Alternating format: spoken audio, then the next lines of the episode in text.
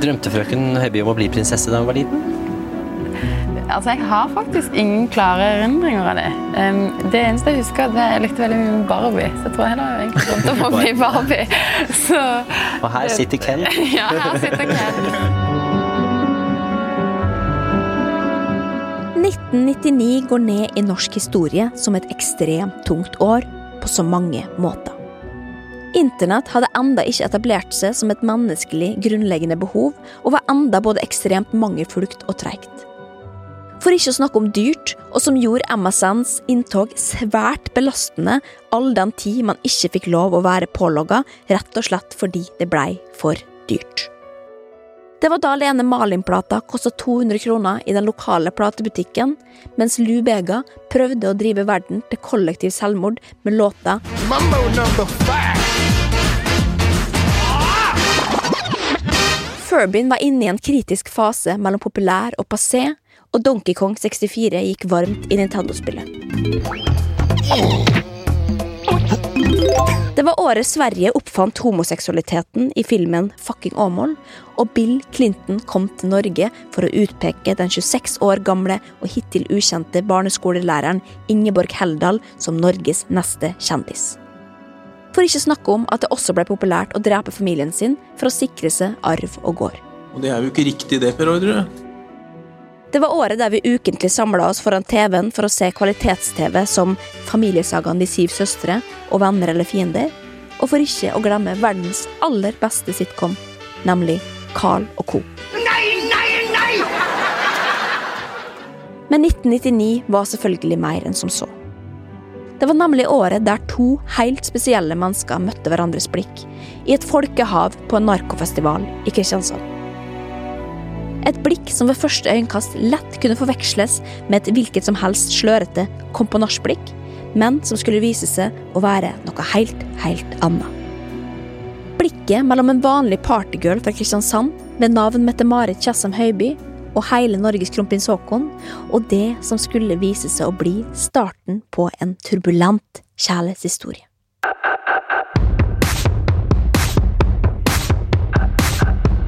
Jeg heter Linnea Myhre, og jeg er ikke kravjournalist. Men jeg er veldig interessert i alle detaljene du trodde at du ikke trengte, og i dag skal vi gå tilbake til en hendelse som har hatt enorm betydning for norsk historie. Et uskyldig møte mellom to ungdommer fra ulike kår, og som umulig kunne få hverandre. Historien om en ungpike fra arbeiderklassen ute på dypt vann, mens han ble plukka opp i en yacht av selveste prinsen. Dette er historien om hvordan Mette-Marit bytta ut festival-T-skjorta med fiskebeinprint til fordel for en ekte prinsessekjole, og vant prinsen, Skaugum og hele det iskalde kongeriket Norge. Ja, jeg har en kjæreste, og hun heter Mette-Marit. Stillheten senket seg på pressekonferansen på Slottet i dag, da Mette-Marit Tjessem Høiby åpnet med å gi et vitnesbyrd om sitt tidligere liv. Jeg tror det er noen sånne perioder i livet, altså i den, spesielt kanskje i den første fasen med meg og Håkon, som jeg ikke greier å tenke på ennå uten å måtte kaste opp.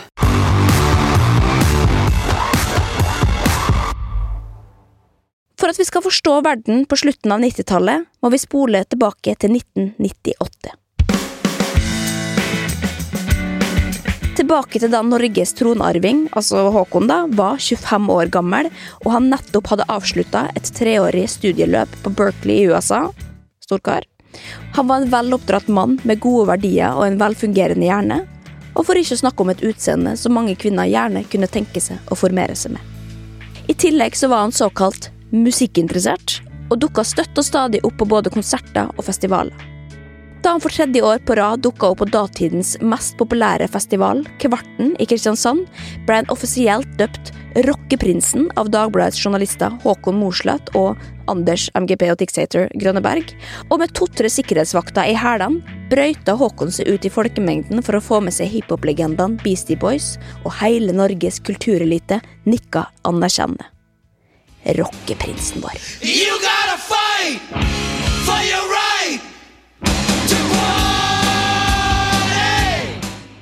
Personlig var jeg åtte år i 1998 og lekte stort sett med pinner i veikanten i Molde. Jeg visste ikke så mye om hvor egentlig kongen eller familien hans bodde, og festival for meg var synonymt med gatemusikanter med panfløyte under Moldes jazzfestival. Det lille jeg visste om musikk og kjærlighet, var Aaron Carter og Hansen, og det er derfor det er ekstra spennende for meg å se tilbake på disse årene i dag, etter å ha erfart nå både musikk og festival og kjærlighet. Musikk og kjærlighet går jo hånd i hånd, og det er derfor festivaler er en særlig god arena for sjekking. Og selv om ikke vi kan huske akkurat hvordan det føles å være på festival per dags dato, så skal vi i dag mimre tilbake til en av de aller største, nemlig Kvartfestivalen. Kvarten går ned i historien som en av de mest legendariske festivalene i manns minne. Det er kulturarv på linje med krigen, og har du ikke vært der, så har du ikke levd. Den første festivalen ble holdt i 1992 med få, men folkekjære band som Pogo Pops og Bel Canto, og etter hvert så lokka de også til seg utenlandske stjerner som Blur, Elvis Costello og Foo Fighters. Kvartfestivalen blir større og større utover 90-tallet, men det er, som med festivaler flest, vanskelig å få det til å gå rundt. For det koster penger å overtale verdens største stjerner til å spille på ei gressplen i Kristiansand, og marginene er små. Og når det i tillegg begynner å få rykte på seg som en narkofestival, hvor ingen lenger har lyst til å sende barna sine, ja, da er det vanskelig å snu skuta. Og det er omtrent i dette øyeblikket at rockeprinsen vår kommer inn i bildet. For det er altså etter at han dukker opp på festivalen for første gang i 1996 at alt forandrer seg. For hva skjer når man tar Norges mest respekterte mann og plasserer han inn i slummen i Kristiansand? Jo, slummen får oppmerksomhet, og det av den gode typen. For hvis Krompen syns det er greit å være på Kvarten, så må det jo være greit å sende barna sine dit. Og hvis han i tillegg er singel og lett tilgjengelig blant vanlige folk også, så kan det til og med hende at man burde dra dit sjøl òg. Og I et intervju med Dagbladet så sier festivalsjef Toffen Gundersen at Krompen skal ha redda hele driten, faktisk, da festivalen året før nesten hadde avgått ved døden pga. krangling om plassering og livets rett. Men da ordføreren hadde hørt at Krompen digga Kvarten, så hadde hun rett og slett ombestemt seg. Når selveste Krompinsen kom, og sikkert reiste hjem og fortalte sine foreldre at han hadde storkost seg, ja, da har ikke jeg som ordfører det ringeste problem med å si at festivalen er en viktig kulturbegivenhet. Og slik er Krompen nå altså offisielt det Toffen kaller en kongelig norsk beskytter og den uoffisielle goodwill-ambassadøren til det som har blitt Norges viktigste musikkfestival.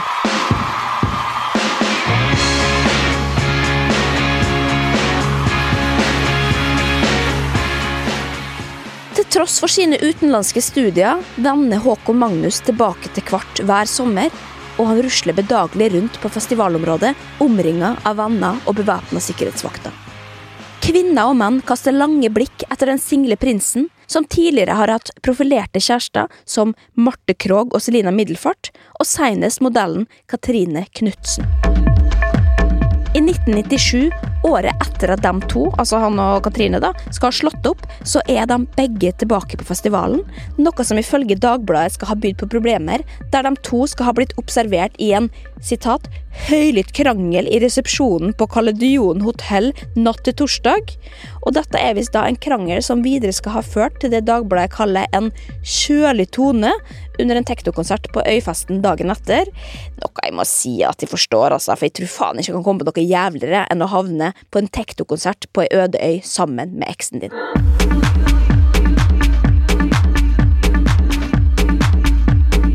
Uansett, Krompen sin festivaltilstedeværelse har kommet for å bli, og han vender tilbake år etter år. Mediene får ikke nok av hvor folkelig prinsen er, og ber eksperter i reklamebyrå om å analysere verdien av rockeprinsens festivallidenskap, og byråleder i JBK, Johan Dovlen, beskriver fenomenet Krompen på festival på følgende måte. Nei, altså, Kronprinsen har samme status som en del av de artistene som opptrer på festivalen. Han er uoppnåelig, litt helt og spennende for de unge jentene som synes han er kjekk. Han har stor troverdighet og har vist seg som en ærlig, reflekterende og selvstendig person. Året har blitt 1999, og Krompen er tilbake på Odderøya i Kristiansand. Det er annet Blur, Fatboy Slim og The Cardigan som skal få æren av å underholde sørpefulle unge voksne, og rockeprinsen rusler verdensvann rundt med en øl i hånda og suger til seg inntrykkene fra vanlige folk. Idet mørket faller på, glir han usynlig inn i mengden av høylytte og rusa festivaldeltakere, og kan nyte følelsen av en midlertidig anonymitet, populærmusikk og det gode liv. Ja, så skal han kanskje bli konge en dag, men fuck it.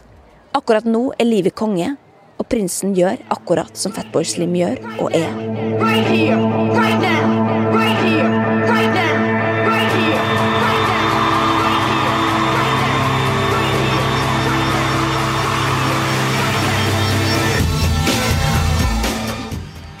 Eller annet sted i samme publikum står 26 år gamle Mette-Marit. Hun er alenemor til en gutt på tre og studerer sosialantropologi på Blindern i Oslo med en servitørjobb på si. Men akkurat nå er hun på festival. For Mette-Marit digger musikk. Eller digg og digge. Hun syns at musikk er egentlig helt greit. Altså, jeg har ikke den der eh, virkelig lidenskapelige musikkinteressen som kronprinsen har. Det har jeg ikke. Jeg syns det er greit å ha det som, som bakgrunn. Og så er litt fornøyd med det, mens kronprinsen går mer inn i musikken enn det jeg tror jeg gjør. Nei, og det tenker jeg jo egentlig skal få lov å være helt greit. Man drar jo tross alt ikke på musikkfestival for å høre på musikk, man drar jo på musikkfestival for å drikke, pule og slåss, og det må musikkidioter forstå. Neida, men Mette-Marit er faktisk litt glad i musikk, altså, i, i tillegg til en del andre ting, selvfølgelig, og da tenker jeg ikke på bøker, men det kan vi komme tilbake til. For Mette-Marit er en av titusenvis av menneskene som har samla seg foran scenen denne kvelden.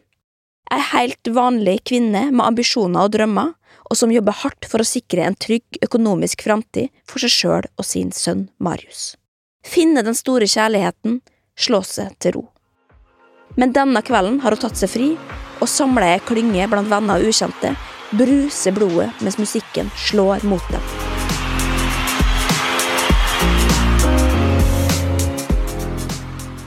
Mette-Marit lever som om morgendagen aldri skal komme. Det hun imidlertid ikke enda veit, er at hun skal bli Norges neste dronning.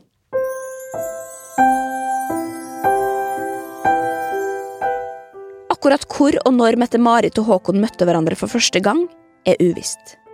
Men det som er sikkert og visst, er at de har møtt hverandre lenge før denne skjebnesvangre kvelden på Kvartfestivalen. Og et intervju med NRK i seinere tid, hvor selveste Fredrik Skavlan har blitt invitert hjem på Kongsgården, er det flere som lurer på hvordan de to fant hverandre.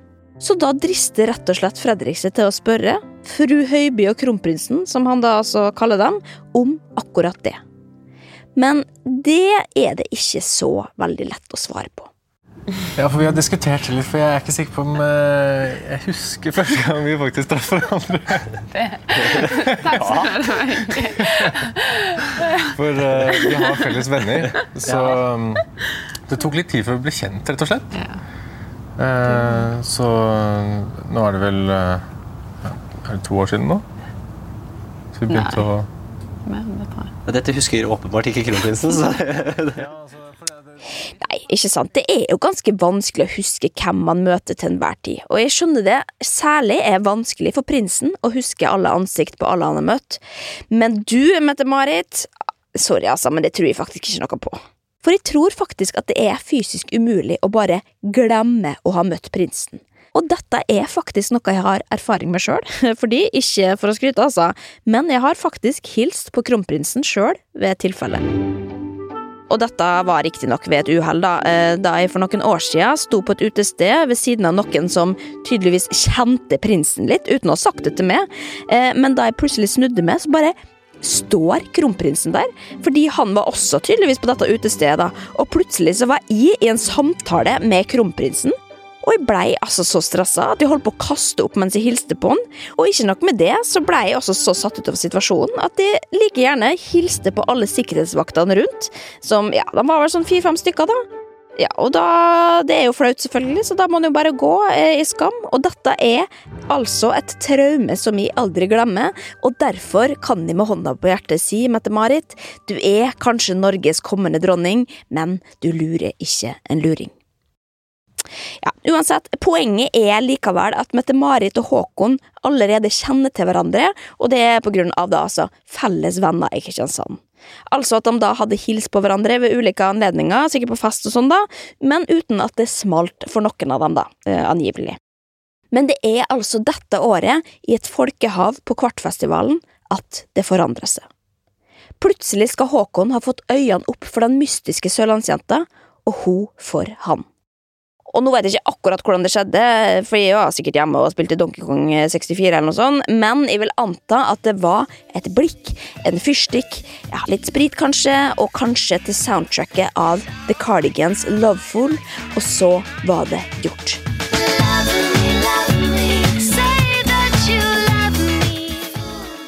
Gnisten ble tent, Mette-Marit hadde målbundet prinsen, og derfra var det ingen vei tilbake.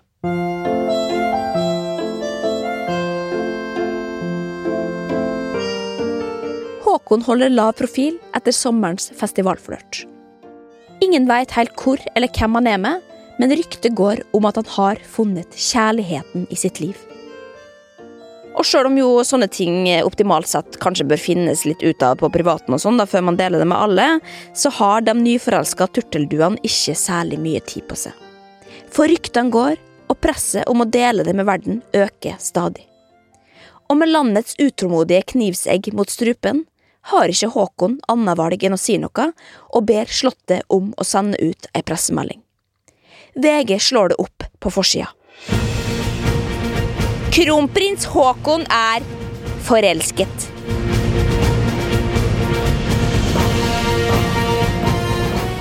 Det går et gisp gjennom den norske folkesjel. Ikke nok med at det snart er årtusenskifte og potensielt dommedag, nå er også kronprinsen offisielt off the market. Men hvem er det egentlig som har stjålet rockeprinsens hjerte? Det er det alle har lyst til å vite, og vi vil vite det nå. Og her må jeg si, VG leverer varene. I saken slår de opp alt de vet om denne mystiske alenemora, og ikke minst, de har funnet et bilde. Et privat, kornete bilde av Mette-Marit iført en svart, tettsittende kjole. Bildet viser tydelig at hun står arm i arm med et annet menneske, men som har blitt brutalt kutta vekk. Og nå står hun igjen alene, smilende inn i kamera. I saken siteres også Mette-Marits lokalavis Fedrelandsvennen, som skal ha fått kontakt med kabinettsekretær Magne Hansen, som ja, sikkert bare er et annet navn for tjenerskap på Slottet, da, men som i alle fall kan bekrefte at det er Mette-Marit det er snakk om, og lokalavisa kan dermed stolt melde om at Krompen har funnet seg ei alenemor fra selveste Vågsbygd. Hun skal allerede visstnok ha møtt foreldrene til prinsen, altså kongen og dronninga, da, og nå skal det feires nyttårsaften sammen med svigerfamilien. Og på tampen selvfølgelig så lures det også på om de to ikke har planlagt å gifte seg ennå. Noe de jo selvfølgelig ikke har, da, eh, og mest sannsynlig ikke hadde kommet til å delt med en random journalist som første mottaker heller, dersom det var tilfellet. Men det er jo selvfølgelig lov å prøve seg. Uansett. Krompen er altså forelska, og han har valgt å bekrefte det for offentligheten. Noe jeg vil anta at betyr litt mer i hans tilfelle enn for hvermannsen hva forpliktelser og forventninger gjelder. For ikke å snakke om tilbakemeldinger. Og hvis man skal prøve å se det med ja, litt sånn 2021-briller, så kan jeg se for meg at det hadde vært litt som å endre sivilstatusen sin på Facebook fra singel til in a relationship, bare at alle i hele Norge kan se det og reagere på det. Kjetil Rollne som skal skrive hatefull kronikk om det på egen Facebook-vegg, mens Kari Jakkesson trykker tommel ned og ber alle om å rapportere innlegget som spam.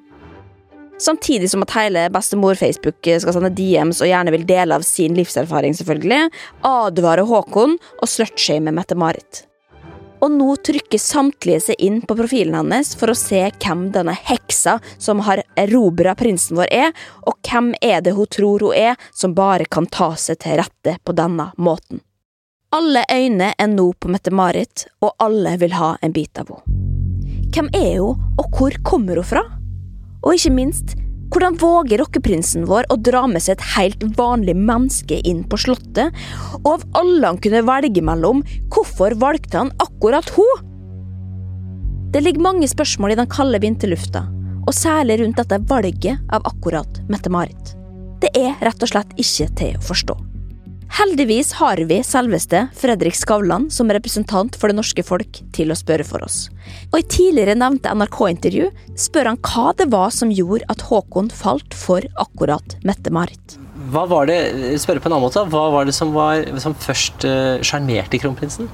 Ja, nei, det var nok um, Hadde noe med utstrålingen å gjøre. For det, det er lett å si at det var smil, eller det var øynene, eller det var uh, uh, men, men det har nok noe med helheten å gjøre. Jeg tror det var um, uh, imøtekommenheten også, og det at du var veldig eh, sånn, til stede i situasjonen når du var der. Jeg tror det var det som fascinerte meg mest, og, og det som på en måte omgir deg. Det som eh, Jeg vet ikke Jeg er ikke så flink til å forklare det, kanskje. Men eh, Nei, jeg må si du er ikke så veldig god på å forklare, altså, Håkon.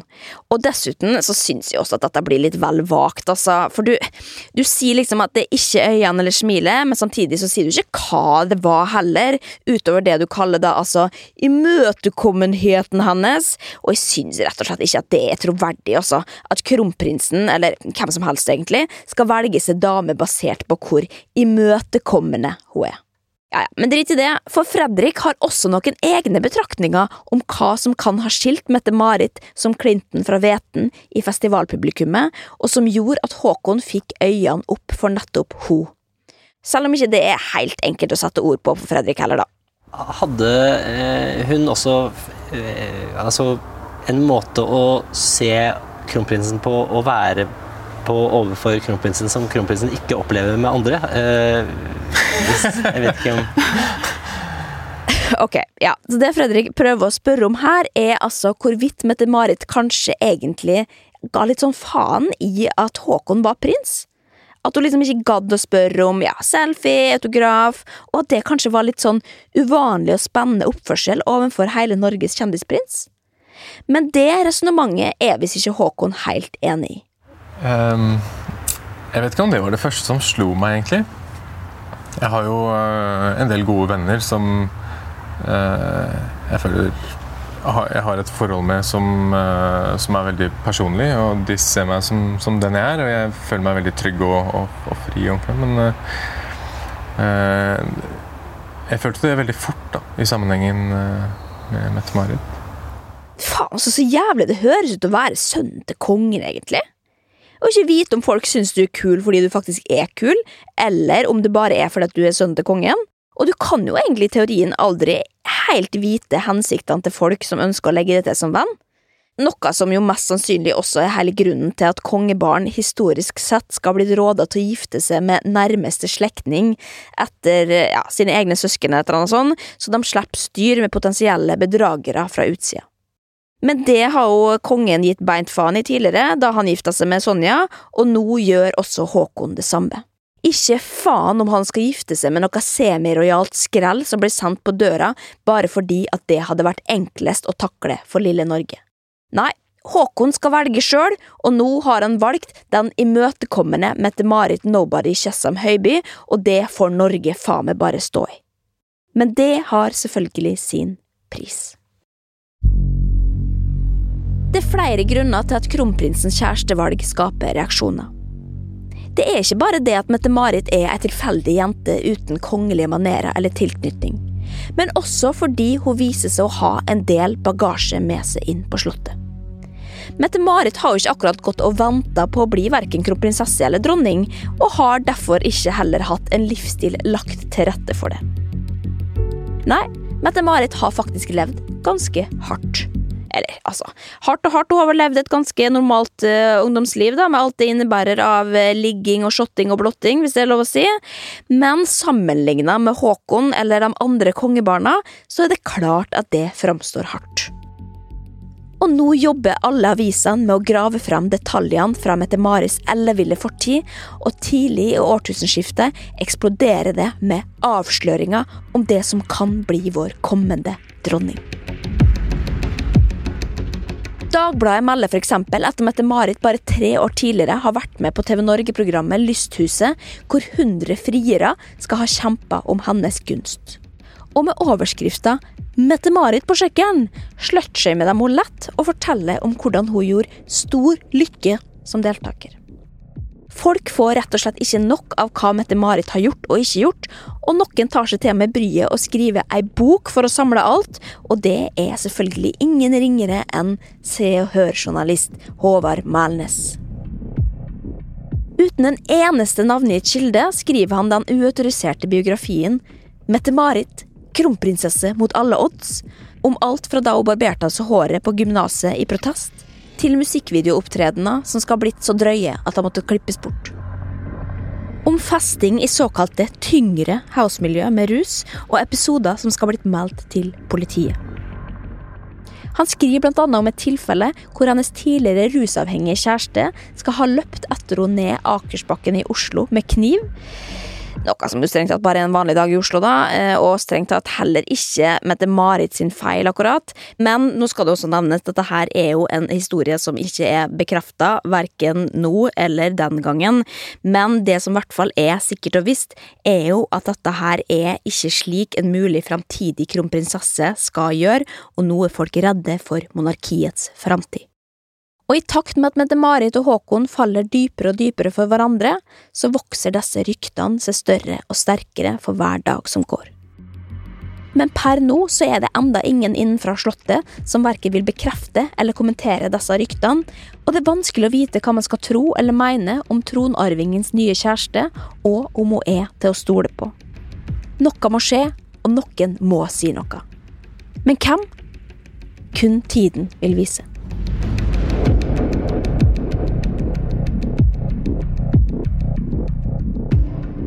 Det tar lang tid før vi får høre noe fra Slottet. Hele første halvår av 2000 går uten livstegn eller bilde av dem to sammen, og Norge er naturligvis i harnisk. Hvordan kan han komme ut og fortelle om sin forelskelse og kjærlighet på denne måten, for å så bare trekke seg tilbake?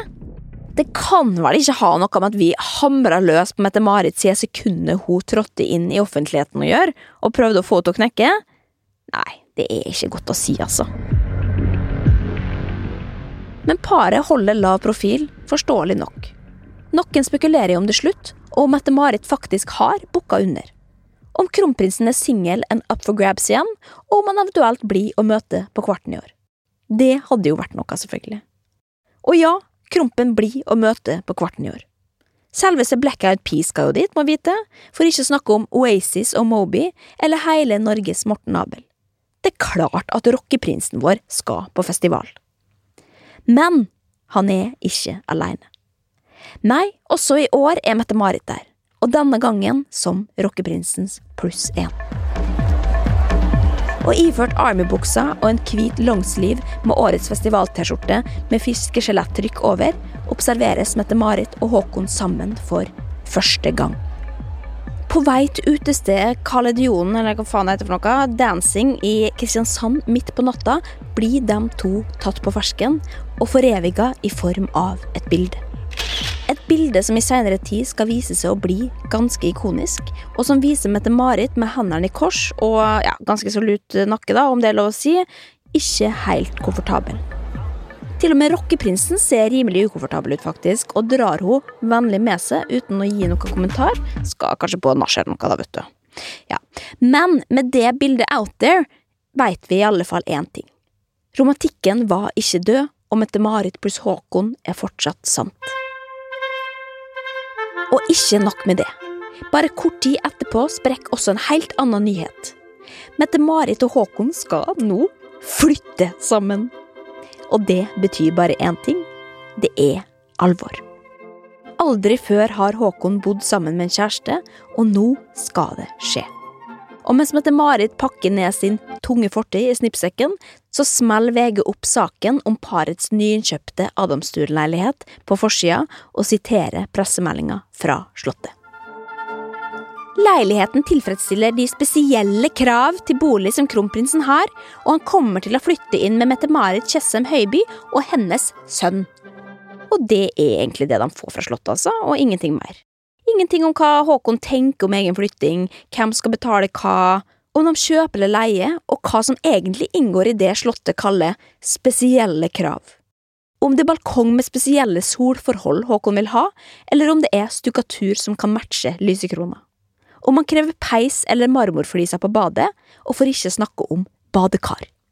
Nei, det får vi aldri vite, og det er jo heller ikke særlig tilfredsstillende for VG sine desperate lesere, må vite. Så da er det på plass å spørre alle andre hva de tenker om at kronprinsen og Mette-Marit nå skal flytte sammen, og om noen eventuelt har noen innvendinger. Så da er det nå bare å slå på tråden da til daværende statsminister Jens Stoltenberg først som sist, og forsøke å problematisere så godt som mulig. Problemet er bare at Jens ikke syns at det er særlig problematisk, og er trygg på at kronprinsen foretar riktig valg. Hadde det vært eh, snakk om ekteskap, så ville saken hatt sine konstitusjonelle sider. Men det får ingen formelle følger. Altså, den er grei, før han da altså avslutningsvis mansplainer konseptet flytting og beskriver Mette-Marit på følgende måte. Det å flytte sammen med kjæresten sin er en livsform som mange velger i den fasen av livet som kronprinsen og hans venninne befinner seg i. Ja, men venninne til tross, da, så er jo altså Jens relativt liberal i stilen når det kommer til kjærlighet. Så da er det nå bare én ting å gjøre, da, og det er selvfølgelig å ringe prest og Kristelig Folkepartileder Kjell Magne Bondevik. Som selvfølgelig syns at kjærlighet er hyggelig og sånn, men Vi må respektere unge menneskers valg av livsledsager, men jeg håper selvfølgelig at dette er et steg på veien mot et ekteskap. Ja, så det var nok klar tale fra Bondeviken der. Det må altså gifte snart, og det gjerne litt kjapt. Man kan jo ikke bo sammen som to mennesker uten å være gift, må vite, for det er jo både skam, og Gud kan bli sint. Gud liker det ikke, for å si det sånn. Gud liker det ikke. Nei. Så da er det bare å få ut fingeren og put a ring on it først som sist, altså, Håkon. Og uten at de veit om det var Bondevik med sin preken som overbeviste Håkon om å faktisk hoppe i det, så er det faktisk det som skjer. For ikke lenge etter så frir Håkon til Mette-Marit, og Mette-Marit svarer ja. Og da var det offisielt. Nå er det Mette-Marit og Håkon mot verden. Den umulige kjærligheten og framtida, og i ånden av rockeprinsens musikkinteresse, så sier rett og slett bare, som Fatboy Slim sang fra scenen på Kvartfestivalen det året de to møttes. We come a long, long way together Through the hard times and the good I have to celebrate you, baby I have to praise you like I should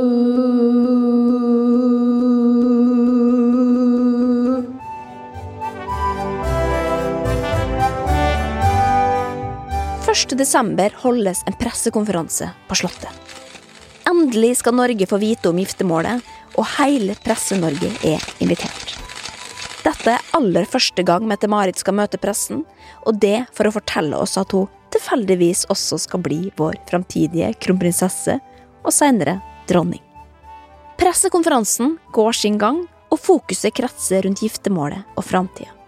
Mette-Marit kaller Håkon for søt og kjekk, og viser frem ringen hun har fått.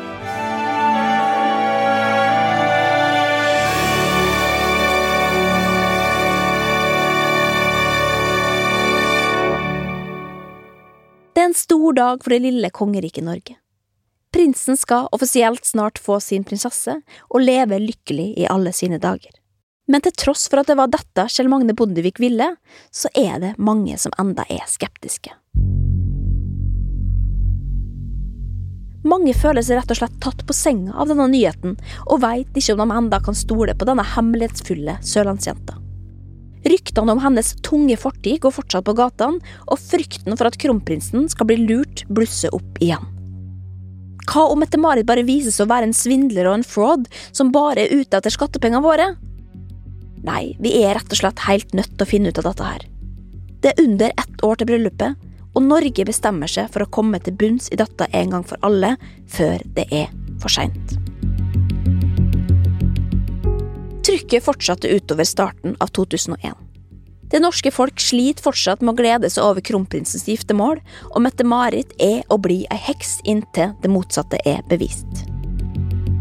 Folk er rett og slett på krigsstien, og allerede i februar så kreves det at Håkon og Mette-Marit dropper sommerens kvartfestival. Nå er Norge nemlig igjen enige om å kalle kvarten en narkofestival, og VG siterer et brev fra Norsk tiltaksaksjon mot narkotika som argumenterer mot at Krompen skal få lov å dra på kvart.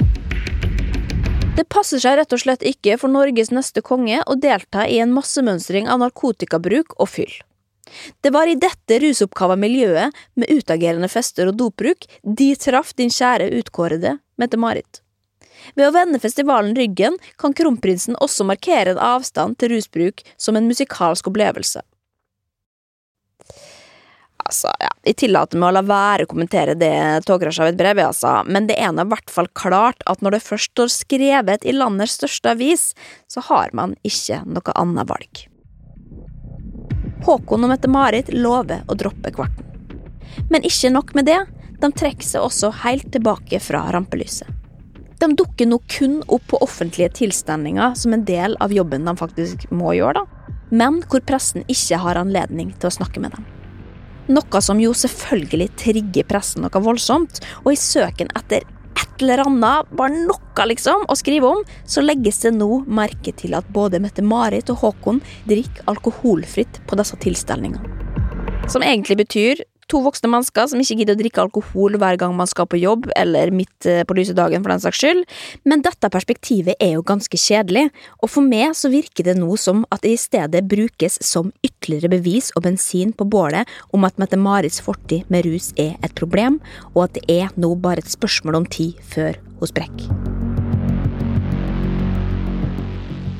Sommeren går, og bryllupet nærmer seg. Media graver etter det de kan få, og VG skriver saken. Bryllupsfeiringen time for time.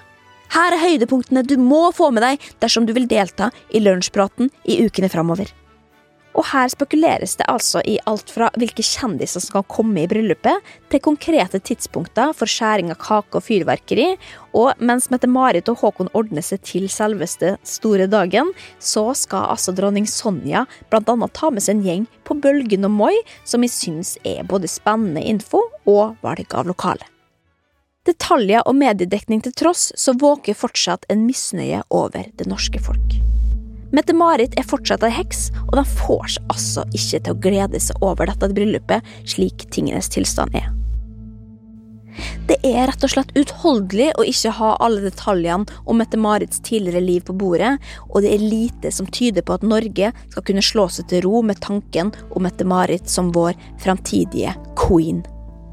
Noe må rett og slett bare skje nå, og det rimelig kvikt. Det vi på dette tidspunktet imidlertid ikke vet, er at nettopp denne problemstillinga også skal ha vært lenge på bordet på Slottskammerset.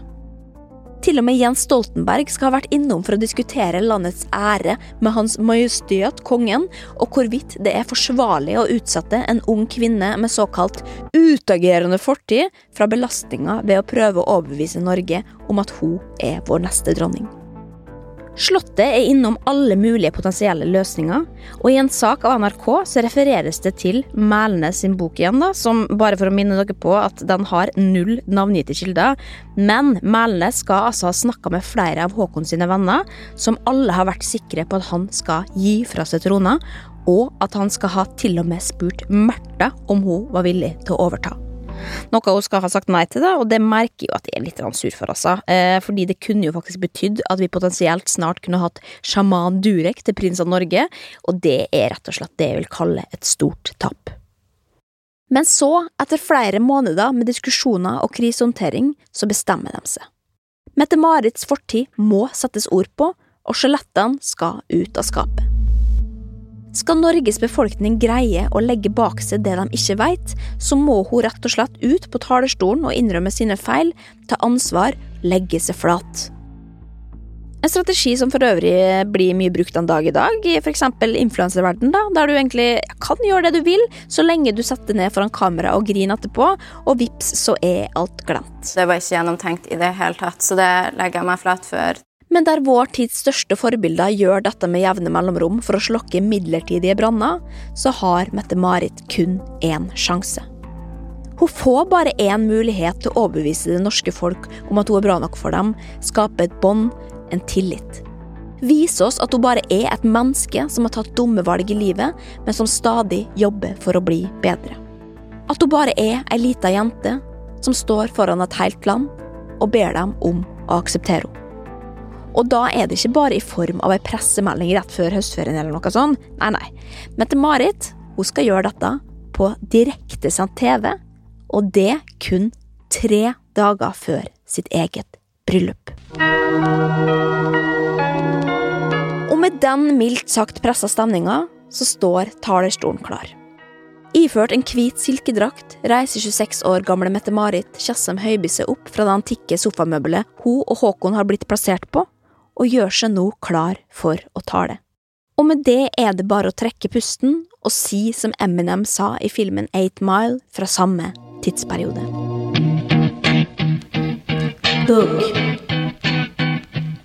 if you had one shot, one opportunity to seize everything you ever wanted in one moment, would you capture it just let it slip?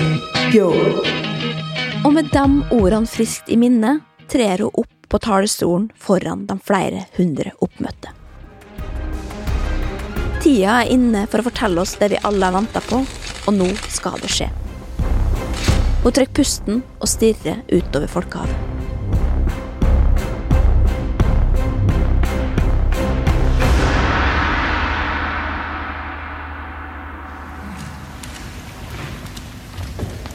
Jeg har lyst til å snakke litt om fortida mi.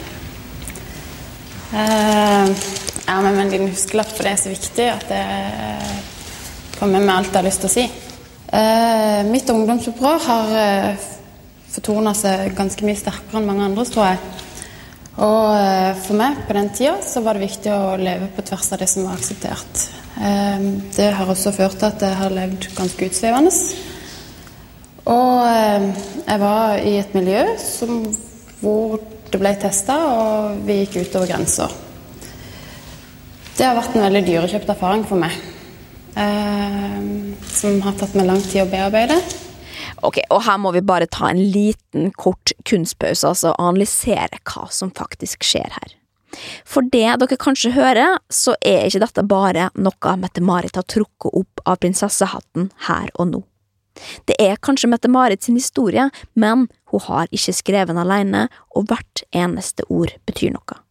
Hør for eksempel bare hvordan hun sier at hun har vært i et miljø hvor det har blitt testa og gått utover grenser, som jo egentlig bare er en finere måte å si at man har brukt narkotika på. Og som vi for øvrig syns er helt eh, fint og smart også, eh, for hun har jo tross alt bare one shot. Og er det én overskrift man ikke vil ha på forsida av VG tre dager før man skal gifte seg, så er det Mette-Marit tidligere rusavhengig, og man har rett og slett ikke noe annet valg enn å vekte sine ord. Men nå, Mette-Marit, I'ma let you finish. Og eh, sånn at ikke det skal være noe tvil om hvor jeg står i dag, så vil jeg også si at eh, jeg benytter denne anledningen til å ta avstand fra narkotika. Jeg vet at dette har vært veldig vanskelig for veldig mange. Eh, og det er jeg veldig lei meg for. Det har eh, vært veldig vondt for meg i denne perioden. Men eh, jeg kan dessverre ikke ta de valgene på nytt. Uansett hvor mye jeg skulle ønske jeg kunne det. Men dette har ført noe positivt også. Jeg har gått gjennom en prosess som gjør at jeg nå føler meg mye tryggere og mye sterkere eh, til å gå inn i den rollen. Det jeg nå har snakka om, er sider av livet mitt som jeg føler har en veldig, eller som er av veldig privat karakter. og Derfor ber jeg om forståelse for at eh, jeg ikke får noe mer spørsmål om dette. Eller som Eminem ville ha sagt det. Fuck everybody! Fuck you all if you doubt me! I'm a piece of fucking white trash, I'll say proudly! And fuck this battle, I don't wanna win, I'm outie! Here, tell all these people something they don't know about me! Og med det var det gjort. Kortene er lagt på bordet, eller rettere sagt pælma ut i publikum. Vår kommende kronprinsesse har akkurat innrømma alle sine feil, tatt kontroll over sin historie. Det fins ingenting igjen å ta opp på, og publikum er naturligvis i sjokk. Norge veit faktisk ikke helt hvordan de skal reagere i starten, og det hviskes og tiskes i kroker over hele Norge. Ja, der ser du, det var det vi sa, jeg visste det. Men med en gang sjokket over sannheten har lagt seg, dukker en litt annen følelse opp i vårt langstrakte land. Nemlig lettelse. Lettelsen over at Mette-Marit endelig har vist sitt sanne ansikt og vært ærlig om sin fortid. At det ikke lenger finnes spørsmål og hemmeligheter, og Mette-Marit har rett og slett gått fra å være en inntrenger og en fiende til å bli en av oss. Nei, Mette-Marit viser seg rett og slett å være en verdig make for prinsen vår, sier folk, som nå hyller henne for sin åpenhet rundt den tøffe tida og kampen mot seg sjøl. Som jeg personlig tror at må ha vært et fuckings piece of cake altså, i forhold til hva hun faktisk har måttet gjennomgå etter at hun bestemte seg for å satse på prinsen, hvor hun daglig måtte kjempe mot hele Norges befolkning i et forsøk på å overbevise oss om at hun var god nok. Og det er nettopp denne perioden Mette-Marit også snakker om i podkasten Else Kåss Furuseth Show nylig, og omtaler den rett og slett som den verste i sitt liv. Um, nei, det, jeg tror det er noen sånne perioder i livet, altså i den, spesielt kanskje i den første fasen med meg og Håkon, som jeg ikke greier å tenke på ennå uten å måtte kaste opp. Sånn Hvorfor det? Jo, for det var så beintøft. Altså, det var så et enormt press, og jeg kom uten noen som helst erfaring med det. Så jeg tror det har gjort at jeg har fått såpass respekt for hva det vil si å være eh, i en veldig sårbar situasjon. da. Men jeg kjenner altså, fremdeles at det er sånn, en del TV-programmer som har blitt vist i det siste sånn om kongefamilien, og så var det noen innslag fra meg og Håkon helt i starten, og sånn. Og det greier jeg ikke å se på. Syns du folk var sånn slemme? Det er mine ord, da. Jeg tenker at folk er kanskje litt slemme. Ja, men jeg tror ikke utgangspunktet er jo ikke at folk ønsker å være slemme. sant? Når man snakker negativt om noen, så tenker man jo altså Man tenker på et fenomen. altså Man, man, eh, man distanserer seg jo veldig fra det andre mennesket som er der. altså Man på en måte depersonaliserer det på et eller annet vis. Jeg tror ikke folk egentlig ønsker å være slemme. Folk ønsker bare å ha noe å skravle om. Ja. Ja. Og så er det spennende. Og det, folkens, er noe å tenke på. Det var altså ikke det tunge miljøet eller narkotikaen som nesten tok knekken på Mette-Marit. Det var oss. Det var våre dømmende blikk og fordommer som nesten ødela mellom kronprinsen og kronprinsessa vår. Og hvem veit hva Norge hadde måttet deale med da, om det ikke var akkurat dem to som skulle ta over trona. Jeg veit de sa at de følte meg snytt for å se sjaman Durek som framtidig prins, men når jeg tenker meg om, så veit jeg ikke om jeg helt er klar for den nyttårstalen likevel. Men heldigvis så endte historien om prinsen som møtte den imøtekommende sørlandsjenta, godt. Og til tross for at det var en kronglete vei mot slottet og inn i folks hjerter, så var åpenhet og hjerte i hånda alt som skulle til. Og slik vant ikke bare Mette-Marit prinsen, hun vant også hele kongeriket. Og med det vil jeg bare si snipp, snapp, snute og eventyret ute. Og mens kvarten avgikk en smertefull død med 30 millioner i underskudd i 2008, så lev prinsen og prinsessa lykkelig i alle sine dager ute på Skaugum.